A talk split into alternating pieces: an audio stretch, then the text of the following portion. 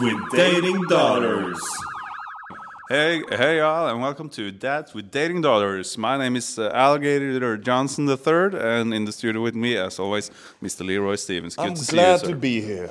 Well, glad to be here. this is a podcast or uh, even a safe space for dads who's got daughters who's dating. And, uh, you know, it can be hard having a sexually active daughter. You know, uh, they're all out all night at parties, uh, on dates with uh, men, kissing them on the lips, having sex with them, uh, sometimes getting pregnant. And, um, you know, it's hard to know what to do, uh, Leroy. Yeah, they're doing those sexy postures, yeah, I growing guess. into that physique, that body, Yes, yes, ma'am. That's true. attracts other people, men. I got a daughter myself, and uh, you know she's uh, she's out on a date right now. beautiful. Yeah, well, yeah, a lot of men seems to think so, you know, and uh, so she's out on her fifth date today on at uh, McDonald's. Uh, she's uh, dating one of those obese. Uh, Obese man she's so fond of, you know. Oh shit!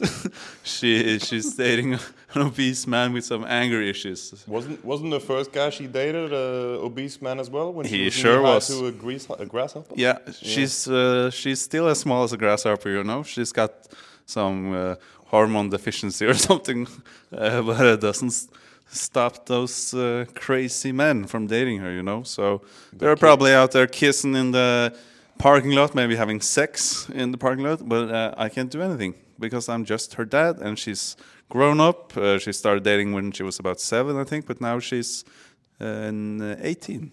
Yeah. What about you, your daughter Leroy? She has some mental issues or something. My, da- my daughter Sasha Jr. was uh, she She's actually- beautiful. She's beautiful. She's beautiful. She Yeah. just came out of jail, you know. oh, Yeah, she was incarcerated.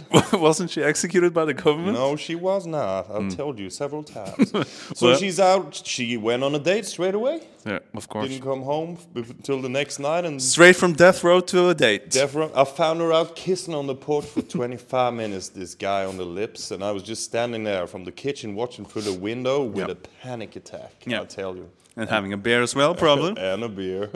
well, that's the only thing you can do. It's just drink, having panic attacks, and you can also talk with other dads, and that's the point of this podcast. You know, share experiences, maybe talk about it, and uh, you know. Uh, that's, that's why we're here. That's why we- we're here. But should we apologize to Christian yes, for our last episode where we made some Oh. comments about his daughter? some sexual comments. Should have been redacted, all Yeah. of them. Yeah, but it's Yep. too late now. So It's too late. We'll just say we're sorry, and we have a little present for him. Yeah, uh, as an uh, as an apology, uh, Christian, you're getting that gold antivirus pack from Dads with Dating Daughters. That's one year subscription to Norton Antivirus, and you know I actually use uh, this antivirus product myself. You know, uh, when I after I escaped uh, prison uh, because of my mental problems, I was in prison for several years, and I escaped.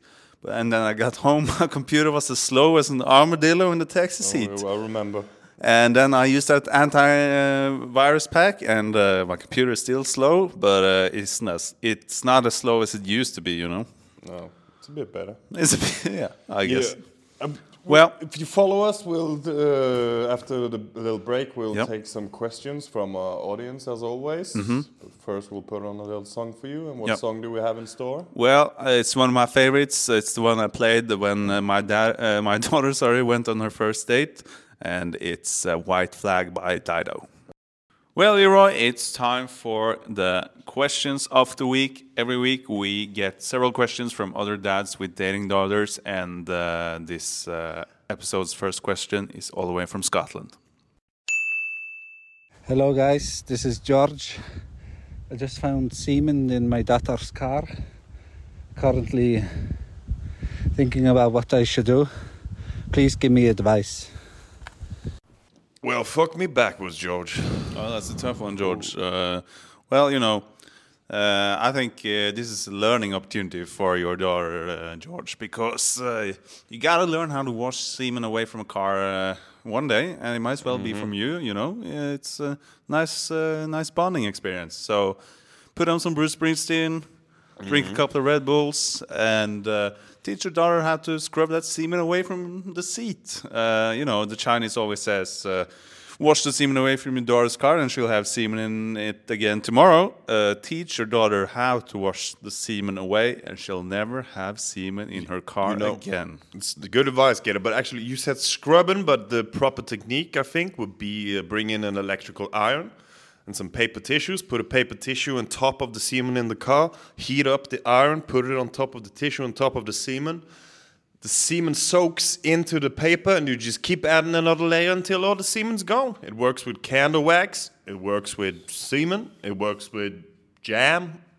Well, Yeah. Wouldn't that make the semen just uh, stick even more, more stickier semen, and smell even worse? Maybe it will. Maybe it will. I think it probably will. Yeah, Sticky. I think It that's the might- might worst thing it to do, actually. It might need sticky. Well, it's time for our next question. Hey guys, this is Frederick. I'm from Norway, and um, I was wondering. My daughter is uh, now 24 years old, and she's still a virgin. What should I do? Oh, that's a tough one. Well, that reminds me of when my oldest daughter lost her virginity. Oh. You know, when uh, she's about uh, seven or eight years old, I think. Uh, she lost her virginity. This is some guy dressed in a dressed uh, dressed as some kind of uh, cheese. You know, he's wearing a fake mustache and a cape.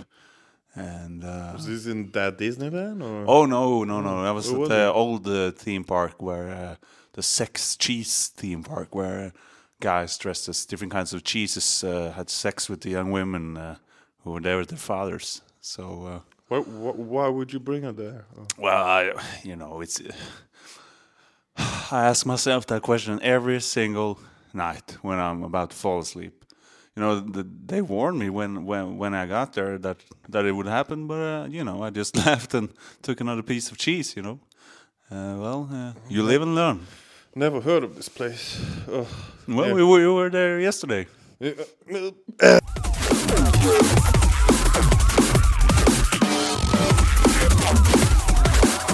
Dads with Dating Daughters.